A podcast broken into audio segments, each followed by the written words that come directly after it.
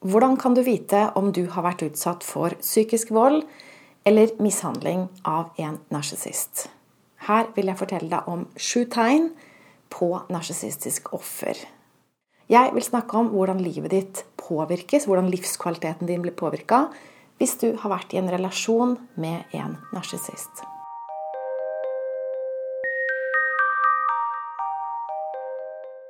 Jeg heter Line Strandvik, og jeg jobber online som personlig veileder.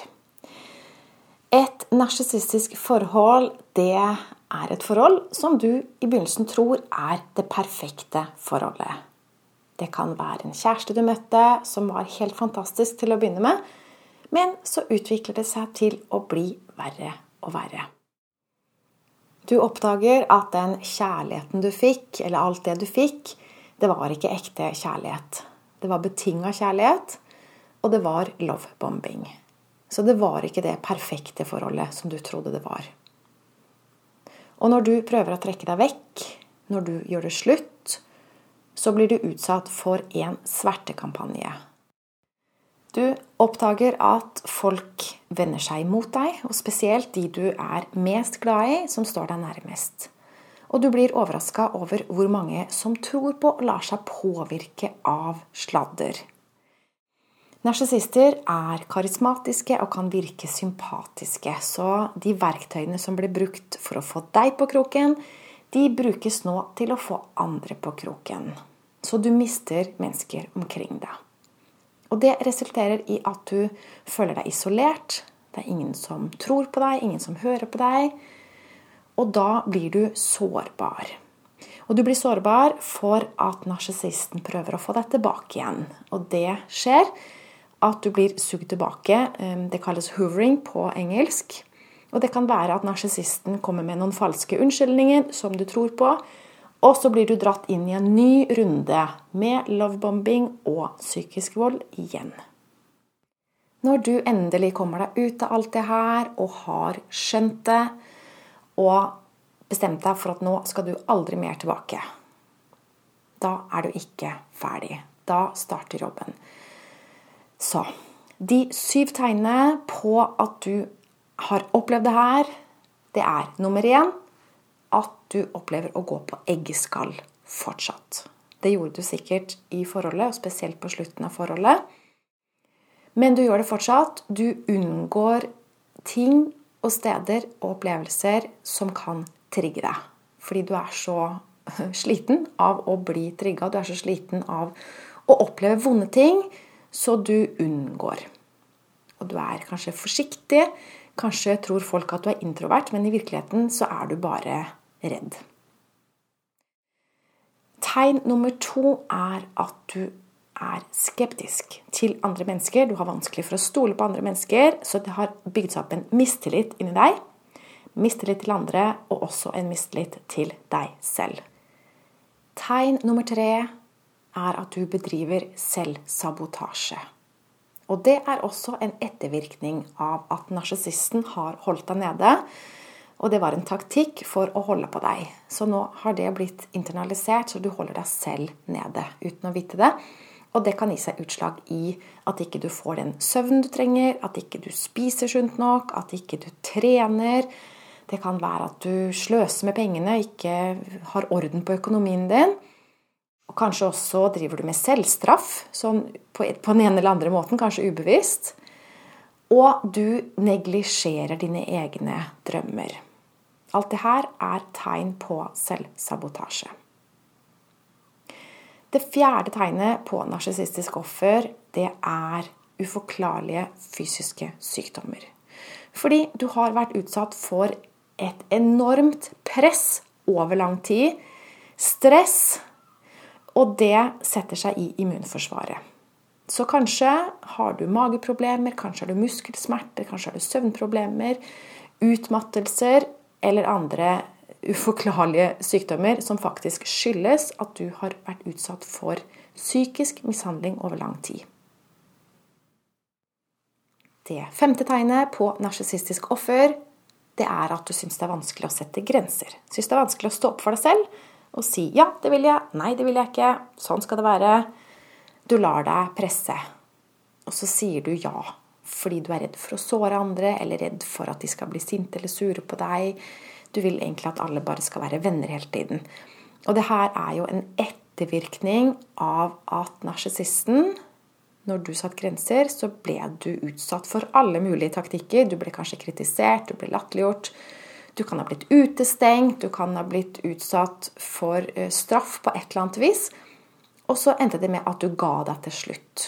Så dine grenser har blitt brutt ned over tid. Og det tar tid å bygge opp igjen i ettertid.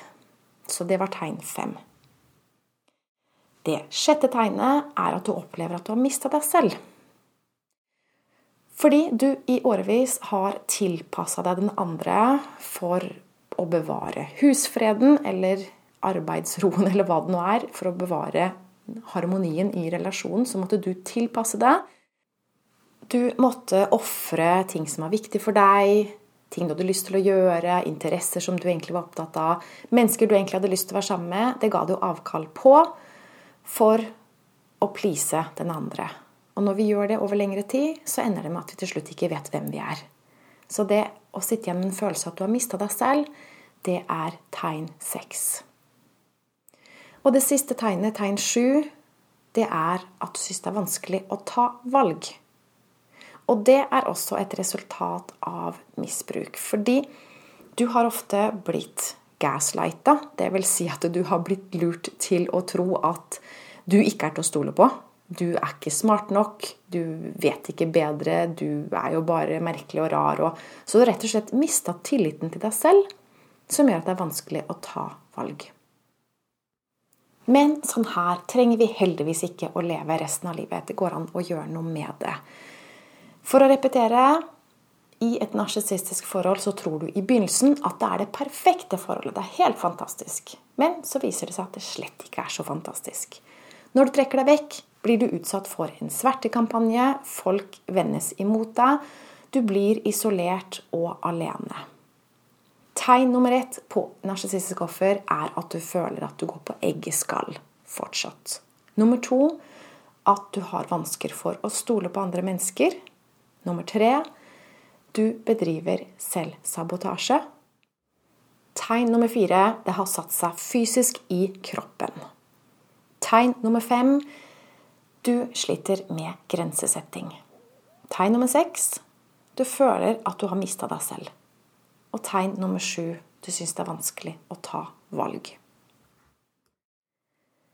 Og jeg tipper at det nå er flere lyttere som kjenner seg igjen, men som ikke vet at de har vært utsatt for narsissistisk mishandling eller psykisk vold. De vet ikke hvem det kan ha vært i sitt liv. De tenker at jeg har vel levd et normalt liv. Og det jeg vil si til det, er at narsissisme er veldig vanlig.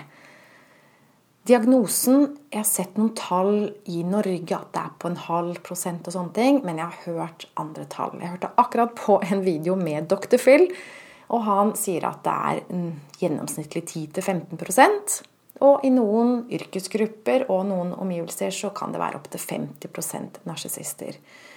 Melanie Tony Evans i Australia, som jeg jobba med, opererer med tall på 16% Narsissisme er en skala, men veldig mange av oss har vært utsatt for narsissistisk misbruk, mishandling. Og hvis du kjenner deg igjen i de her tegnene, så har du nok også vært utsatt for det. Og bare husk på det, du trenger ikke å sette en diagnose på narsissisten i ditt liv for at du kan begynne din egen healing-prosess. Fokuser på deg selv. Jeg vet det kan være veldig vanskelig når man begynner å lære om det her og begynner å få en del aha-opplevelser. Så kan man bli helt fiksert på problemet narsissisme. Det er fascinerende når man lærer om det. Men fokuser på deg selv er mitt råd. Det fins en vei ut av vellinga. Det går an å finne tilbake til deg selv igjen. Og måten du gjør det på, er alenetid helbredelse, selvforståelse, merke deg selv og begynne å la deg lede fra innsiden, for det er trygt. Du er trygg. Så det handler om å øke din selvkjærlighet, din selvforståelse, din selvtillit og selvrespekt. Og det er sånne ting som vi jobber med i mitt mentorskap. Det går over fire måneder, og på fire måneder så kan vi gjøre store endringer i eget liv.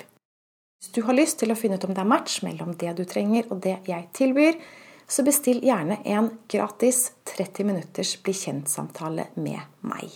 Og det kan du gjøre ved å gå inn på min webside linestrandvik.no klarhet.